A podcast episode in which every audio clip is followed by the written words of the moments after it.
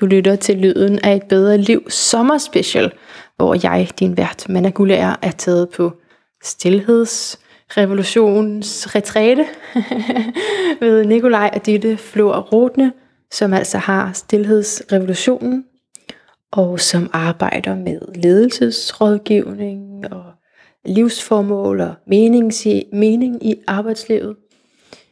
Og øh, som har et fantastisk hus ude i naturen, hvor jeg bare nyder at være, og en hel masse bøger i, bogreolen. Så det er dejligt. Og nu skal jeg snakke med dig, Ditte, øh, fordi i sidste episode snakkede jeg med Nikolaj, og nu er det så, øh, nu er det så dig. Jeg har jo lavet en, en udsendelse med jer sammen, ja. men øh, det er også meget sjovt det her med at have en ting, fordi selvom det er det samme, jeg arbejder med, så har I jo hver jeres take på det.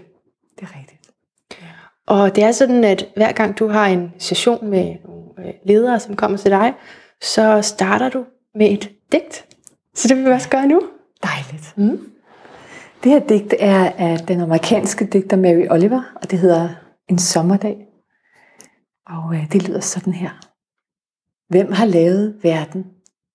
Hvem har lavet svanen og den sorte bjørn? Hvem har lavet græshoppen? Jeg mener, denne græshoppe. Den her, som har kastet sig selv ud af græsset. Den her, som spiser sukker af min hånd, som bevæger sine kæber frem og tilbage, i stedet for op og ned, som stiger rundt med sine enorme og komplicerede øjne. Nu løfter hun sine blege underarme og vasker omhyggeligt sit ansigt. Nu breder hun sine vinger ud og svæver væk. Jeg ved ikke rigtigt, hvad en bøn er, men jeg ved, hvordan man er opmærksom hvordan man falder ned i græsset, hvordan man knæler ned i græsset, hvordan man kan køre i tomgang og føle sig velsignet, hvordan man kan slendre igennem markerne, hvilket er, hvad jeg har gjort hele dagen. Fortæl mig, hvad skulle jeg ellers have gjort? Dør alting ikke altid til sidst og alt for hurtigt? Fortæl mig, hvad planlægger du at gøre med dette, dit eneste vilde og kostbare liv. Fortæl mig, hvad planlægger du at gøre med dette, dit eneste vilde og kostbare liv?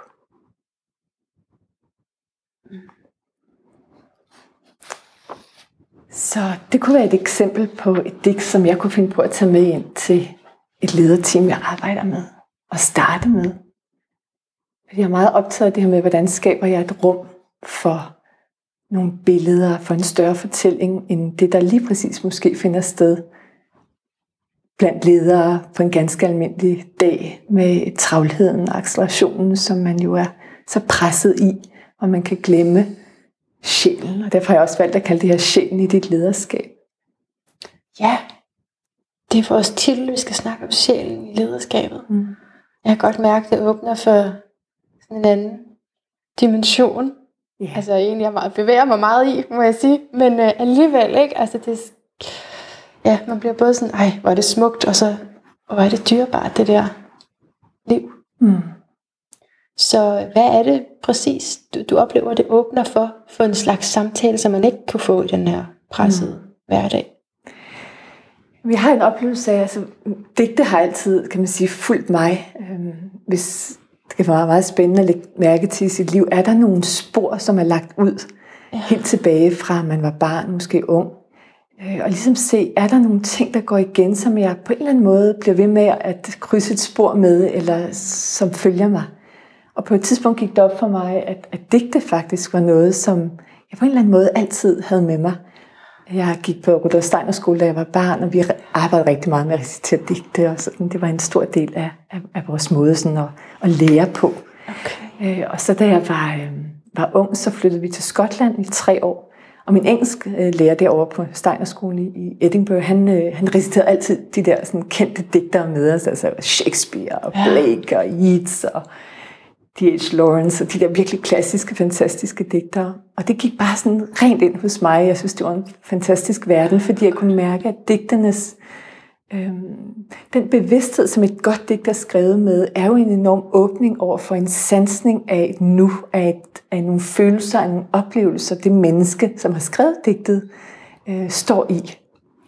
Det vil sige, at åbning af nogle sansninger. Ja, ja, det er et meget ja. fortættet rum ja. i forhold til et menneske, der formår at formidle øh, sjælens verden, eller en indre verden, øh, eller en smuk solopgang, eller en tur i skoven, men på en måde, som vækker øh, nogle betragtninger, nogle oplevelser. Og det vil sige, når man så genoplever det gennem at læse et digt, så kan man selv egentlig begynde at mærke de der åbninger i sig selv.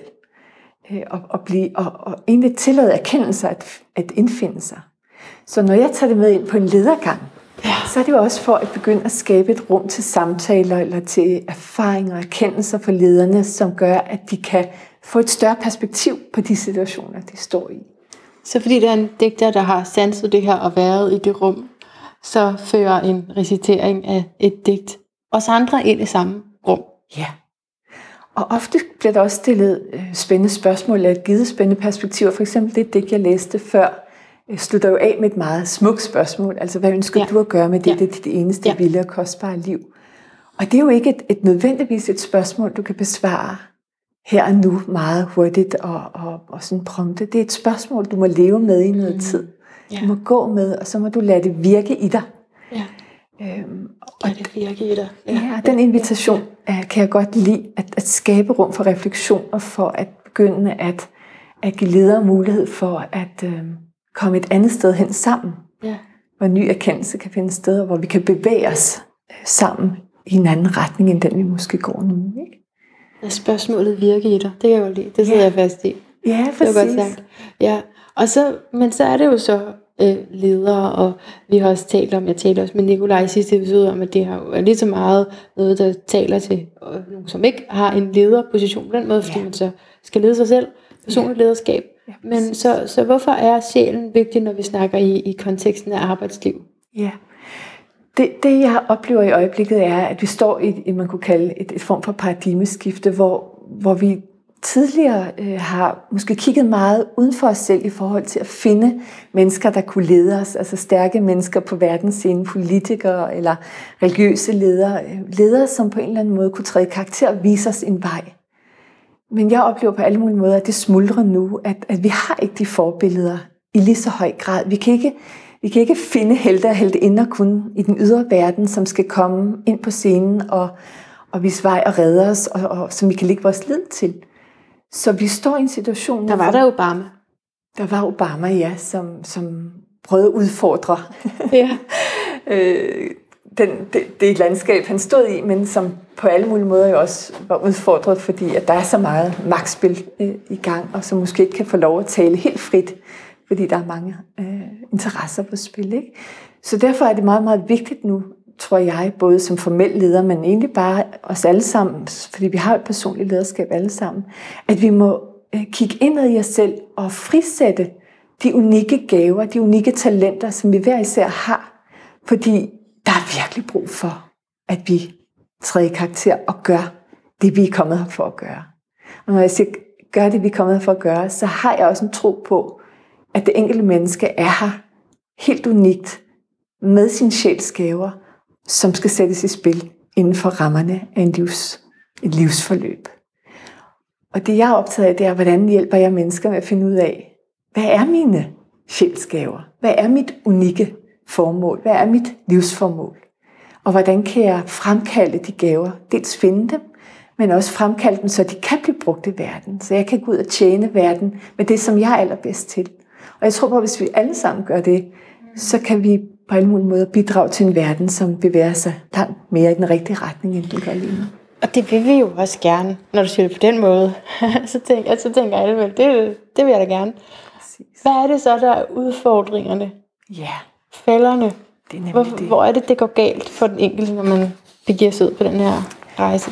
Altså i konteksten af et, et, et, et travlt arbejdsliv og et travlt liv i det hele taget, så kan man sige, at jeg har ligesom fundet fem forhindringer, som, som står i vejen for, at vi kan få forbindelse med vores sjæl og bevare kontakten gennem et arbejdsliv, et lederskab eller i det hele taget bare som menneske. Og den første udfordring, som jeg ser med de mennesker, jeg arbejder med, det er den her enorme acceleration og det her tidspres, som vi alle sammen er indlejret i i øjeblikket. Og det vil sige, at når vi har travlt med hele tiden at få gjort alt det, vi skal, og nå alle deadlines, og fare rundt for at realisere vores liv på bedst mulig måde, så er der øh, en masse information, en masse viden i os, som vi ikke øh, har forbindelse til længere. Det vil sige, at man begynder at skabe en eller anden form for øh, modbevægelse, der, hed, der handler om kraften i at stoppe op. Så der er simpelthen viden i os. Ja, der er Den viden, som vi, som vi overhører. Ja. Jeg bruger meget det her billede med centrifugalkraften, at vi ligesom rører ud i den her periferi Ja. af vores liv, og ligesom slynget ud i, i, øh, i periferien, væk fra vores eget centrum, væk fra kontakten til det, som er allervigtigst for os. Øhm, fordi vi er så fortravlede, så vi mister den der forbindelse. Øh, midt, midt i alt det, vi skal nå, og alt det, vi tror, vi skal. Men som måske i virkeligheden ikke er så vigtigt som det essentielle, som det sjælen kalder frem i os. Så en af forhindringerne er selve tidspresset. Ja. Ja. Og travlheden. Og det, at alting går så stærkt. Øh, og den tendens bliver jo bare mere og mere ud, udbredt. Ikke? Det, det går ikke langsommere nogen steder. I alle virksomheder osv., der skal vi jo hele tiden effektivisere, vi skal hele tiden øh, forandre tingene, vi skal hele tiden øh, nå mere og mere. Øh, der bliver færre og færre hænder hele tiden. Vi arbejder en del øh, inden for hjemmeplejen i øjeblikket, og det er jo den tendens, at der bliver færre hænder og blandt øh, pædagogerne også, så vi kender det hele vejen rundt i, i, øh, ja, i, i systemerne, at, at vi, skal, vi skal løbe stærkere. Så den tendens gør noget ved os mennesker. Ja. Og det, det, det der så sker, nummer to øh, forhindring, det er, at vi begynder at overhøre vores krop, vores tanker og vores følelser. Og det vil sige, at den kontakt til de budskaber, som ligger i kroppen, som vi får gennem at lægge mærke til vores følelsesliv, Ja. det tankeliv, vi har, det overhører vi, fordi vi har så travlt med at nå de deadlines og nå alt det, vi skal på bare en enkelt dag. Øh, To-do-listen, som vi lavede i dag, er jo lige så lang i morgen, selvom vi måske har nået et eller to mm. punkter, så kan vi være sikre på, at den er mindst lige så lang i morgen. Så Jeg vil sige, det er det samme som, som selvstændig, ikke? fordi selvom det er jo sådan nogle ting, man måske i højere grad gerne selv ved, og selv har planlagt, selv har skrevet det i kalenderen, så, så kommer det bare i hårder. Altså, der er vildt meget, ikke? Mm. Øh, og så er der nogen, der lige giver en et forslag om, du kan også gøre det der, åh, oh, så kommer der bare endnu mere på listen, ikke? Og jeg har virkelig erfaret, at jeg er nødt til bare at stoppe. Altså, jeg er nødt til at sige, på det her tidspunkt her og her og her, der skruer jeg noget arbejde sammen. Og så skal jeg ud i naturen og slukke. Jeg skal ikke være på Præcis. Præcis. Og der online. begynder du allerede at, at, at forstå kraften i at tage dig dine rum. Ja, Ikke? Og det kan vi så også, tale om, hvordan man gør det. Men hvis vi bare lige skal vende tilbage til, til de her forhindringer. Så ja det var to. Ja, det var nemlig to. Så ja. når vi ikke hører kroppen mm. og de budskaber, der kommer fra kroppen, mm. eller fra vores følelser, eller fra vores tan- vores tanker, eller i det hele taget fra relationer omkring os, eller vores omgivelser, Ja. så går vi glip af, af utrolig vigtig viden. Fordi så, så kan vi ligesom igen blive løsrevet af os selv, og ligesom miste os selv ud af syne. Ja.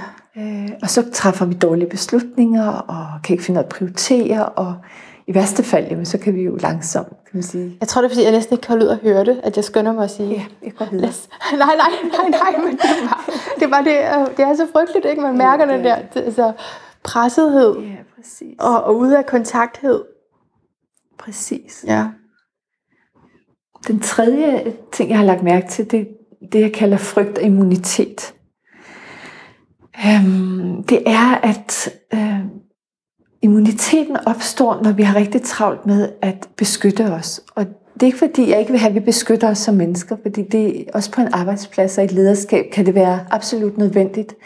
Men når vi begynder at, at lede andre mennesker, eller lede vores liv os selv, ud fra en måde, hvor vi lukker ned for øh, kontakten til at mærke os selv og andre mennesker, empatien, øh, åbenheden, fordi vi kan være bange for ikke at, øh, egentlig for at vise sårbarhed. Mm. ja. Så kan vi opbygge det, jeg kalder en form for immunitet. Og det vil sige, at vi kan komme lidt til at gå lidt rundt i vores liv og vores lederskab og være oprustet.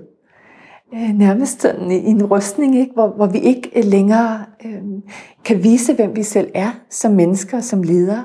Med alt, hvad det indebærer af øh, åbenhed, sårbarhed, øh, fejlbarlighed, utilstrækkelighed. Ja. Og der kan man sige, at vi kan synes, det er rigtig ubehageligt at skulle øh, vise, at vi ikke er øh, skudsikre hele tiden, mm. eller har svar på alting, eller øh, fremstår som, som en succes. Men jeg tror, at vi mennesker har brug for at mærke, at vores ledere og, og, og hinanden i, i det hele taget kan udvise øh, en, en menneskelighed midt i det pres, som vi befinder os i. Altså ja. en form for øh, utilstrækkelighed og en villighed til også at indrømme, når vi ikke gør det, ja. som vi skulle have gjort det. Sige ja. undskyld, eller vise, at jeg nåede ikke det, jeg skulle nå, eller jeg har ikke lykkes med den her opgave, eller jeg laver også fejl, eller jeg mærker også en utilstrækkelighed i forhold til det, jeg burde mm. nå eller skulle nå. Øh, og det kan gøre, at vi lukker. Og så kan man ikke mærke sin leder, hvis man er medarbejder, fordi så er det sådan et, et menneske, der går rundt meget oprustet. Jeg kan ikke mærke, hvem du er. Du fremstår ikke autentisk, du øh, fremstår ikke som om, du har integritet. Og så tør jeg heller ikke selv vise min Nej. åbenhed, hvor eller er. hvor jeg er henne. Og så kan vi komme til at, at skabe et arbejdsliv, som er meget, øh, meget lukket, og hvor vi ikke længere egentlig har forbindelse til, til det, vi skal bruge i vores arbejde, som jo er vores unikke talenter og gaver, vores sjæl, som jeg kalder det. Fordi vi, øh, vi får så travlt med at passe ind i, i nogle relevanter og nogle øh, rustninger, ja, som, som lad være med det. Er. Lad ja. være med at passe ind i de relevanter. Nå. Den sidste. Der er kun ja, en mere, ikke? Der er to mere. Nej, for. Den fjerde, er overbevisning og forventninger. Den kan vi gøre ganske kort. Okay.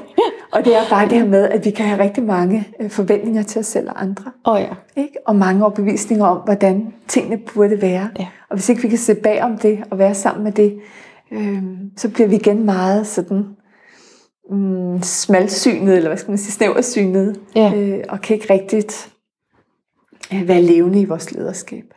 Fordi vi downloader egentlig bare hele tiden øh, gamle overbevisninger og handler på dem, i stedet for at være åbne over for nærværet i nuet, i forhold til, hvad der er muligt nu. Hvordan det menneske, jeg står for, hvordan vil det gerne mødes eller blive mødt af mig. Så det med at køre på autopilot, eller ja. i hvert fald tidligere erfaringer, som så ja. gentager sig ind i fremtiden, ja, så det er også bare blive ved med at være det samme, ja. frem for at mærke det, der er. Ja, mm. ja vi tør ikke forholde os åbne. Øhm, og vi har alle de her, forvent, det her forventningspres, som vi hele tiden kører. Ikke? Et indre forventningspres. Og den går også over i den femte, som er meget den her selvkritik, selvkritik og, og måske også et lavt selvværd, men det her med, at vi ofte jo er vores egen værste fjende, og det vil sige, at den indre dialog, vi kører som leder eller medarbejder, er rigtig hård, øh, i stedet for at blive vores egen bedste ven, og egentlig dermed også kunne åbne op til andre igen og skabe et rum, som er meget mere tillidsfuldt, og meget mere øh, samskabende øh, i forhold til det, vi skal nå, og det, vi skal gøre i vores virksomhed eller på vores arbejde. Så på en måde, når man har hørt de her fem forhindringer, så skal man bare gøre det modsatte, bare gøre det omvendt. ja, øh, det kan man sige. Man skal i hvert fald være opmærksom på, at der er nogle, øh, nogle mønstre, som vi kommer ja. til at, at, at, at, at udleve et lederskab på, som, som er meget langt væk fra sjælsformålet væk fra det lederskab, som vi, som vi kunne have, hvis det er, at vi tør øh, følge de indre fornemmelser og den indre stemme, som vi kunne kalde sjælstemme, som vi kan sætte i spil igennem vores arbejde. Og få et meget bedre arbejdsliv. Ja, og, se, og bruge os selv igen tilbage til paradigmeskiftet. Bruge os selv på en måde, hvor vi, hvor vi sætter vores unikke gaver og talenter i spil for at kunne gøre godt i verden, for at tjene bedst muligt, øh, for at, at øh, føle os øh, beriget også af vores arbejdsliv. Og når du ser tilbage til paradigmeskiftet, så mener du, fordi det er fra os, den enkelte, det skal komme, frem for ja. nogle ledere? Ja. Øh, eller, eller hvad hedder det? Ja, jeg tror, vi skal, vi, vi skal vække alle vores, øh, vores individuelle stemmer nu. Ja. Vi, skal, vi skal alle sammen vække vores unikke bidrag, vores sjælstemme, for at kunne øh, få den til at, at synge i verden, øh, synge vores sang og give vores bidrag. Så udover at du jo også er forfatter, det er begge to, der er Nikolaj, så er du også purpose guide. Ja. Yeah. Det vil jeg altså rigtig gerne høre noget om. Ja. Yeah. Hvordan, fordi det, så kommer man her og har fået at vide, at når man, jeg øh, gør mig skyldig i alle fem forhindringer, eller dem har jeg, og dem oplever jeg, ikke? Jamen, hvordan bliver man så guidet hen til ens purpose-formål? Ja. Yeah det er en rigtig stor proces. der er rigtig mange elementer. Måden jeg er trænet i det på, er faktisk, at man bruger, øh, man bruger blandt andet den vilde natur. Rigtig ja. meget. Og det er jo fordi, at, at man ved fra de oprindelige folk, altså fra de gamle øh, folkeslag, som jo stadigvæk er her heldigvis, men som jo er trængt rigtig meget baggrund for vores modernitet, øh, der, der har de rigtig mange ritualer og ceremonier, øh, som de bruger i forhold til at vække det, det enkelte menneskes sjæl, den enkelte menneskes kontakt med den indre verden. Vi var lige ude at gå en tur i skoven ja. før den her optagelse. Er det nok? Nej, det er oh. ikke nok. jo. Man, man, man skal tage intensive rum. Øh, så, så en del af det arbejde, jeg laver, det er, at jeg sender folk på det, jeg kalder en soul quest. Gør du? Ja, det gør jeg, fordi at man skal tilbringe minimum 8 timer i naturen alene, for at begynde at få kontakt med sjælen, med den imaginære verden, med forestillingsverdenen, som lever side om side med den her fysiske, praktiske verden, som vi også befinder os i. Men den, den sky sjæl, og nu har det sådan en smuk sommerblus på med sommerfugle, men øh, sommerfuglen er jo et, et symbol på sjælen. Og hvis du forestiller dig, at vi sidder her i den her sommer, det her sommerrum øh, med solen, der, der skinner ind, og så åbner vi døren, og så lige pludselig så svæver der sådan en lille fin sommerfugl herind og beriger ja. os. Ja. Så sart er sjælen, men den, den kommer ikke bare af sig selv. Vi er nødt til at skabe særlige omstændigheder for, at den indfinder sig. Nu skal lige forstå noget. Sjælen er der hele tiden inde i os. Ja. Og så siger du, at den er sky, og at den kommer ja. som en sommerfugl. ja, sjælen, hvordan skal vi definere sjæl? Det er jo nok det sværeste at definere. Måden jeg definerer sjæl på, er egentlig, at det er den mest udefinerbare essens af et menneskes væsen. Ah. Ja. det, det er så udefinerbart, og det er så øh, øh, unikt, at, at det at sætte ord på det, er næsten i sig selv begrænsende. begrænsende. Det er det jo. Ja. Det er det, men det er det dybeste i os. Sjælen er det dybeste i os. Og det jeg godt kan lide øh, at beskrive omkring sjælen, det er, at sjælen er ikke inde i os, den er ikke uden for os, men den er i det her øh, mellemrum mellem den indre og ydre verden. Det vil sige, man siger jo ofte, at øjnene er sjælens spejl, eller at stemmen er det. Så det sted, hvor øjnene eller stemmen møder verden, altså hvor vi møder verden, den indre verden møder den ydre verden, ah. der opstår sjælen. Der er okay. der noget særligt på spil. Så når jeg ser ind i dine øjne, så kan jeg også se rigtig meget om dig og dit væsen og din sjæl, din essens. Men hvem er det, der ser ud gennem øjnene? Er det ikke sjælen? Det er sjælen, der stråler igennem. Okay. Og møder verden. Og i det okay. møde opstår der en særlig intensitet i sjælen, kan man sige, hvor noget giver sig til kende. Okay, ja, ja. Så det er, jo en, det er jo en levende størrelse. Men den er sky? Den er sky. Den kommer ikke nødvendigvis bare ind på scenen, øh, når vi beder den om det, fordi øh, den kan også være voldsom. Den, den er ikke, selvom den er forklædt nogle gange som sommerfugl, så kan sjælen også være voldsom, fordi den også har noget, den gerne vil med os. Den vil gerne, at vi sætter vores dybeste gaver i spil. Og det kan være ret øh, udfordrende nogle gange at ture, træde frem på scenen med det, som i vores essens af os. Fordi hvad nu, hvis vi ikke bliver taget imod? Hvad nu, hvis verden ikke møder os med åbne arme? Så er der rigtig meget på spil. Så vi har også rigtig meget modstand i forhold til at sætte den sky sjæl øh, i stævne. Så det jeg gør, det er, at jeg sender folk ud minimum 8 timer i den vilde natur. Og når jeg siger den vilde natur, så er det et sted uden for stierne, det er uden for der, hvor andre mennesker bevæger sig. Selv sad jeg, tror jeg, det var i november måned, i øh, øh, øh, 8 timer i, i stiv kuling ude ved øh, Klinteskoven ude ved Møns Klint. Ej, hvor gjorde du det? Øh, fordi jeg, det skulle det skulle jeg som en del af, af uddannelsen dengang, men, men jo også for at begynde at invitere øh, den sky sjæl frem. Og det er jo en meget personlig oplevelse, så jeg kan ikke sådan dele alt, hvad der skete, men jeg kan sige, at det at begynde at skabe et formelt ritualiseret rum, mm hvor jeg, inde, hvor jeg sidder inden for en kreds på halvanden meter, og bliver siddende der i otte timer i bøn og i meditation og i øh, bestemte ritualer. Ligesom folkeslag, altså de gamle, originale, ja. eller hvad skal man sige, traditionelle ja. folkeslag gør. Så begynder der at ske en anden bevægelse. Så begynder der at, at opstå nogle andre dynamikker, end, end der normalt sker, når jeg bare bevæger mig rundt i min hverdagsbevidsthed. Og så kommer der billeder, og så kommer der øh, fornemmelser. Øh, det kan jo komme på mange måder gennem syn, det kan komme gennem kropslige oplevelser, det kan komme gennem øh, symboler, man ser, tegn i naturen. Øh, der har vi mange forskellige måder at sanse sjælen på. Og så kan der egentlig begynde at komme budskaber omkring. Så sidder jeg jo med grundlæggende spørgsmål hvad er mit sjæls formål? Hvad er det, jeg er kommet her for at gøre? Så Ja. begynder det at arbejde, så begynder der at komme svar, som jeg kan tage med mig i det fortættede rum. Wow, okay. Altså, hvornår sender du folk ud på de otte timer? Skal man lige være klar til det først? Ja, der har været en lang proces for en, Nå, okay. hvor, man, hvor man har arbejdet igennem en kunne også være, du sagde, at det var forudsætningen for overhovedet Nej, det er for faktisk, forløbet. man kan sige, det er højdepunktet. Nå, okay. Så på den måde er det et intensiveret rum, man har bygget op til. Okay. Men det er for at sige, at den vilde natur kan noget. Men vil du, vil du sige, at du så slet ikke anbefaler folk bare at gøre det? Altså hvis man lytter til det her, så tænker, det vil jeg gerne, fordi jeg trænger til et gennembrud i forhold til det åndelige. Det tror jeg godt, man kan. Kan man godt bare gøre det? Jeg, jeg tror, vi kunne bruge den vilde natur langt mere, end vi gør, fordi øh, den har så meget at byde på i forhold til øh, kulturlivet og acceleration af tidspresset, som vi ellers har, har lidt øh, berørt. Ikke? Fordi at, at den vilde natur har jo været vild og været i sin rytme, som er mere tidløs. Øh, godt nok er den indlejret i årstider, men den har jo en tidløshed igennem mange, mange, mange øh, tusindvis af år, som, hvor den bare egentlig, kan man sige, har stået i sin vilde naturhed. Så, så det er et helt andet rum at træde ind i, hvor noget nyt bliver muligt.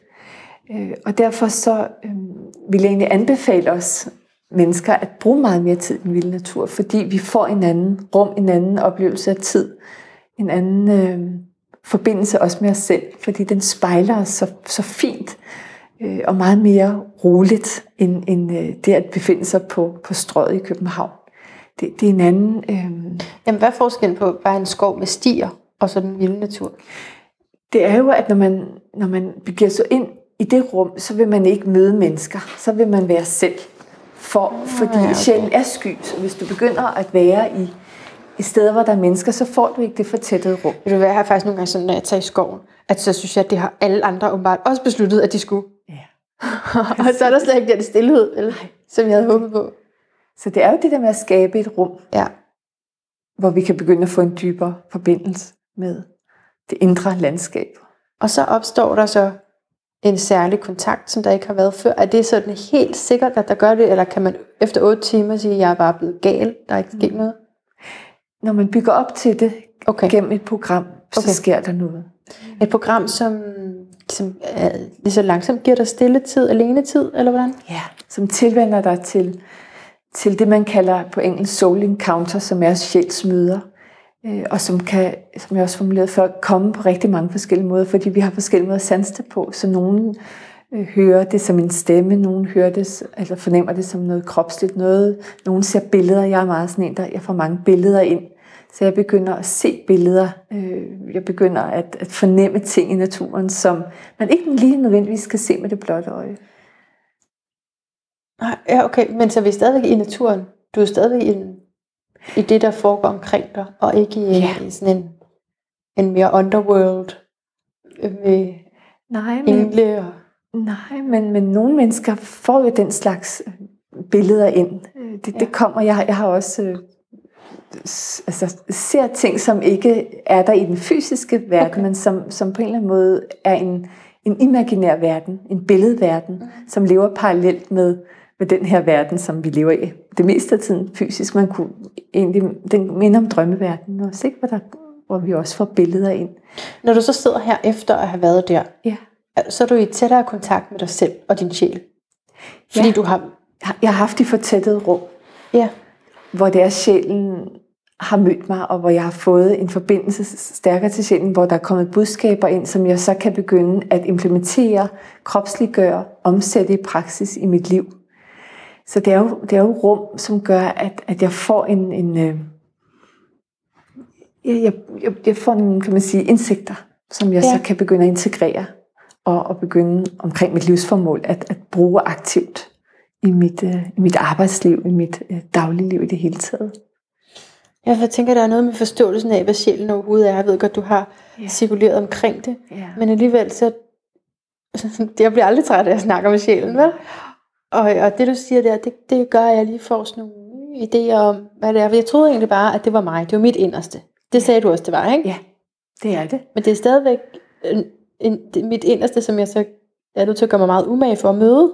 Det kan man sige, at, at, at, at porten skal gå op, fordi vi, vi har jo, øh, vores hverdagsbevidsthed rummer jo rigtig mange igen overbevisninger, øh, stemmer omkring, hvem vi bør være, hvad, hvad vi skal med vores liv, hvad, hvad samfundet fortæller os, vi skal, hvad vores familie måske har fortalt os, hvad vi selv troede, vi skulle. Mm. Så der ligger jo mange lag af, af, af modstand, kunne man kalde det, eller øh, stemmer, som vi bliver nødt til at arbejde os igennem for at komme ind til den, til den reneste stemme, sjælstemme, som rummer for, formålet, øh, og som vi ikke bare lige kan træde ind i. Det, der skal skabes særlige omstændigheder for, at vi får den forbindelse, og det kan komme så igennem at, et længere program, jeg tager folk igennem, øh, men hvor vi så kulminerer det med at træde ud i naturen i de her otte timer, lave ritualer, lave, øh, sidde i bøn, sidde i meditation, og så der begynder der at ske øh, en særlig fortætning af det rum, som gør, at sjælen melder sig når man stiller spørgsmålene.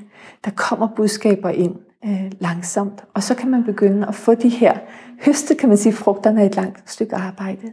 Og når man så vender tilbage til sit øh, liv som leder, eller hvor man nu er, så har man jo høstet frugterne og kan begynde så at implementere dem, kropsliggøre dem og leve dem.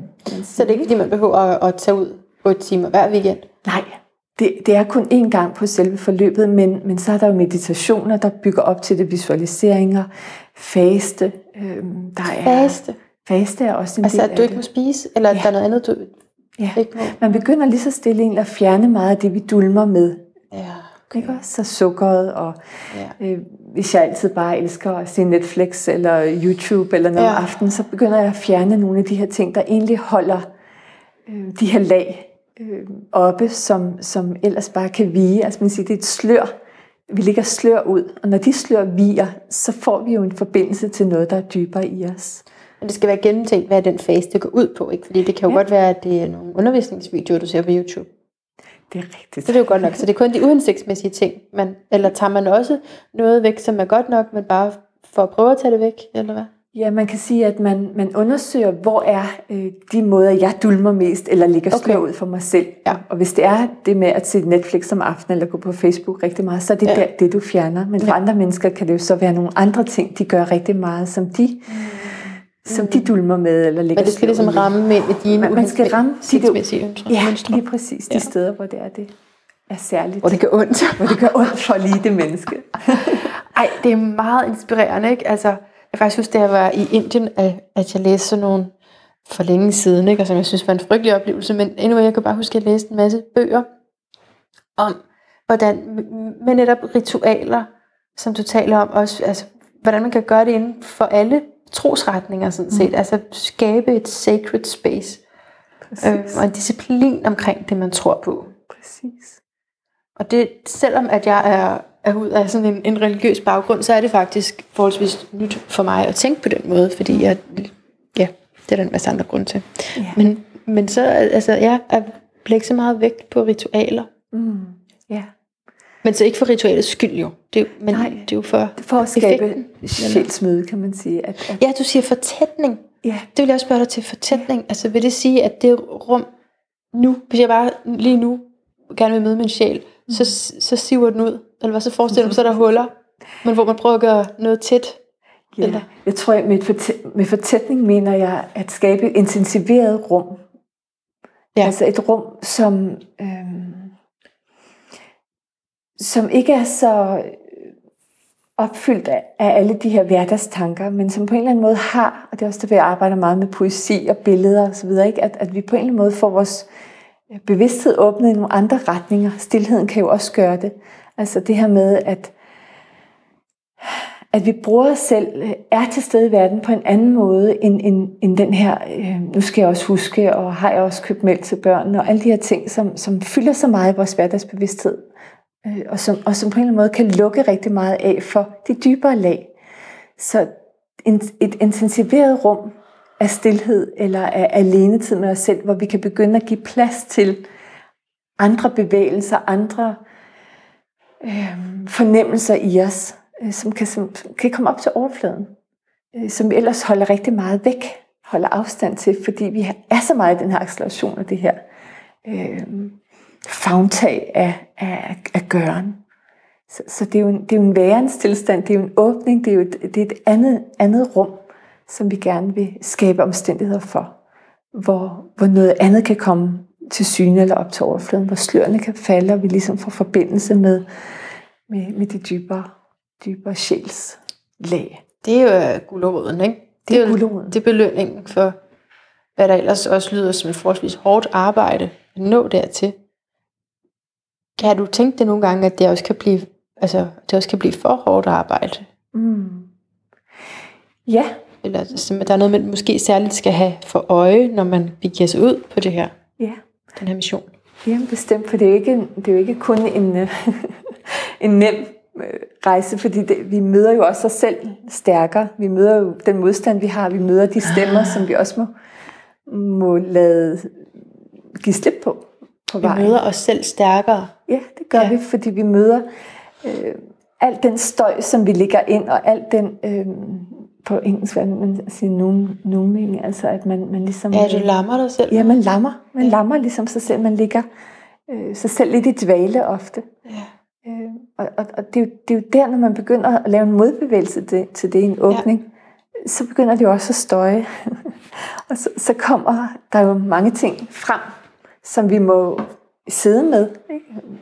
se i øjnene, for at, at, at, at rumme det, være sammen med det, så vi kan give slip på det, og tillade os at gå det næste skridt. Så, så vi må jo også i, i den proces blive opmærksom på uvidshed og på, på ikke at vide, når vi dykker ned i sjælens land, eller ind i sjælens verden, ind i den mørke skov, ned under vandoverfladen, så ved vi jo ikke, hvad der kommer os i møde. Men vi vil jo helt sikkert møde sider af os selv, som ikke nødvendigvis kun er vidunderlige. Øhm, Men juvelerne ligger der i blandt mm. alle stemmerne, og, og så må vi arbejde os igennem det, og, og få lov at se de her små glimt ind imellem. Og, og så har vi det fortættede rum, som SoulQuest er sjæls, øh, hvor vi tager ud på de her otte timer og er i det, i det rum. Hvor vi sætter alle kræfter ind, kan man sige, for at, at vække mødet med sjæl. Jeg elsker også ordet quest. Ja, Det er lidt svært at oversætte, det, det, det danske ord. egentlig. Jamen, sådan en eller anden eksploration, eller Ja. altså, Ja, en, en, en rejse. En, ja, det er sådan en spørgende en, rejse. en færd. Ja, en færd, er måske meget godt. Meget Ja, god. quest, det kan Ja. jeg rigtig godt lide. Ja. Det tror jeg generelt godt, man kan lide, når man har et øh, skyttestelium. lige laver lige sådan en lille bindeled over til noget horoskop. Ja. Hvis det er okay, fordi jeg, jeg på den her retræte har jeg også fået lov til at se på, på jeres horoskoper. Og vi har begge to rigtig meget i skytten, som godt kan lide at studere og søge Mm. efter mere, Ja. som kunne, kunne være godt at vide. Og især altså inden for det her øh, filosofiske område. Du har det så i 12. hus, som er sjælens hus, så det jo passer meget, meget fint. Øh, men ud af det, så har jeg kigget på, at øh, Nikolaj, han har jo rigtig meget i skorpion, Mm. og øh, du har Uranus der, det kan man lægge lidt vægt på i, i noget, hvis der er noget sådan lige bestemt, man vil se på. Men jeg vil egentlig mere se, at du også har det i øh, din, din midthaven, din karrierelinje. Og det synes jeg bare er meget sjovt, fordi at egentlig så er det, har I, I har meget forskellige horoskoper, sådan set, men, men lige det der med, at I arbejder med det samme, eller du arbejder inden for det, som er en stor del af ham. Øh, en, stor del af hans personlighed i hvert fald, den der intensitet og behovet for at komme ind til sandheden og Mm. face mørket. Mm. Præcis, ja. Stå ansigt til ansigt med det, og så se, hvad, hvad giver det så for et liv, apropos dit digt. Hvad er det for et liv, du vil leve, når du har set, at du ikke skal leve for evigt? Ja. Kan du genkende det? Ja, det, det kan jeg rigtig godt genkende, både i forhold til mit parliv med, med Nikolaj, at, at øh, det er et sted, vi godt kan lide at være, og i den også i mørket. Jeg ser ikke mørket som noget øh, dårligt. Altså, øh, for mig er det ikke sådan lys mørke, og lys er det gode, og mørket er det dårlige. Mørket er jo, øh, jeg er meget optaget egentlig af også, også af natten som rum. Altså, at, at natten har en særlig kvalitet.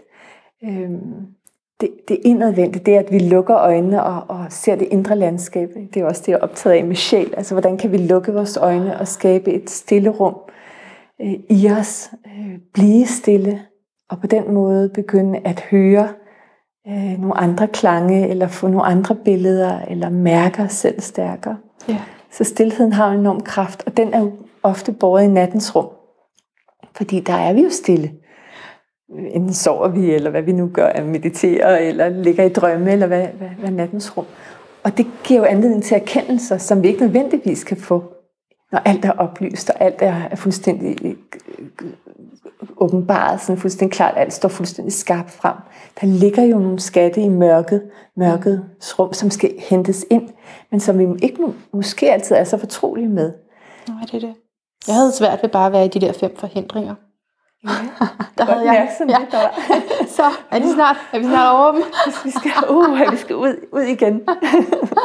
men, men det kan vi godt lide. Vi kan godt lide at være i, ja. i uh, ja, der hvor der, hvor der også er modstand, hvor der også er noget, som, som kan være uh, uerkendt uforløst. Altså, Men det Rilke, formål at forløse det. Ja, ja, præcis. Altså Rilke siger jo, den tyske digter siger sådan noget med, jeg kan ikke helt huske digtet ordret, men han siger sådan noget med, lev spørgsmålene nu. Måske vil du derefter gradvist, uden at ændre det en fjern dag, leve dig ind i svaret. Wow, og det, det elsker jeg. Det er så smukt, ikke? Altså jo. det med at leve spørgsmål, ikke? Og derfor ja. sender vi også mennesker ud med spørgsmål, ud på Soulquesten eller ud i naturen. Gå en tur bare med spørgsmål og udhold ikke at kende svaret. Hvor længe kan du blive det sted, hvor du bare lever spørgsmålet? Og lever dig gennem at blive spørgsmålet. Langsomt lever du dig ind i svaret. Gennem dit liv måske. Det er jo ikke alle spørgsmål, vi kan finde hurtige svar på. Hvordan, hvordan kan vi blive i det rum? Og det er jo også nattens rum og mørkets rum, hvor vi på en eller anden måde lever i uvidsheden, i det skjulte, i, i, i alt det, vi, vi ved, vi ikke ved. Altså, og bliver i den der, øh, i det fagntag. Det jeg godt. elsker det. det. Det kan jeg godt lide. Det jeg elsker godt det. være det sted. Lev spørgsmålet. Lev spørgsmålet. Måske vil du derefter gradvist, uden at indse det en fjern dag, leve dig ind i svaret. Ej, hvor er det godt. Det, det, jeg håber, at folk holdt ud, at lytterne holdt ud øh, igennem de der fem forhindringer, og kommer ind til det her guld. ikke? Ja, oh, fordi det siger jo også noget om med, øh, med processen, at det er okay, mm. at der er de der forhindringer, mm. som, som, som lys for nye erkendelser. Præcis. Præcis. Men det, vi er allerede ved at være der, hvor jeg skal spørge dig om, øh, hvad din lyd af et bedre liv er. Yeah. Og ligesom med Nikolaj, så er det en lille smule aftalt. Øh, yeah. Du har noget, noget poesi til ja, os. det har jeg. Det er lyden af et bedre liv for mig. Og her har jeg Den vilde naturs fred af Wendell Berry, en amerikansk digter, og han er også aktivist, meget spændende mand. Jeg har selv oversat det fra engelsk, så I må bære over med mig, hvis ikke det lyder helt som det skal. Men, men her er det i min danske gengivelse, og det lyder sådan her. Når fortvivlelsen over verden vokser i mig, og jeg vågner om natten, er den mindste lyd i frygt for, hvordan mit liv og mine børns liv vil blive, går jeg hen og lægger mig ned. På det sted, hvor anrikken hviler i sin skønhed på vand, og den store hejre søger føde. Jeg finder ind i den vilde naturs fred, som ikke tager soverne på forskud. Jeg finder ro i det stille vands nærvær, og jeg fornemmer, at de dagblinde stjerner over mig venter med deres lys. For en stund hviler jeg i verdens ynde og er fri.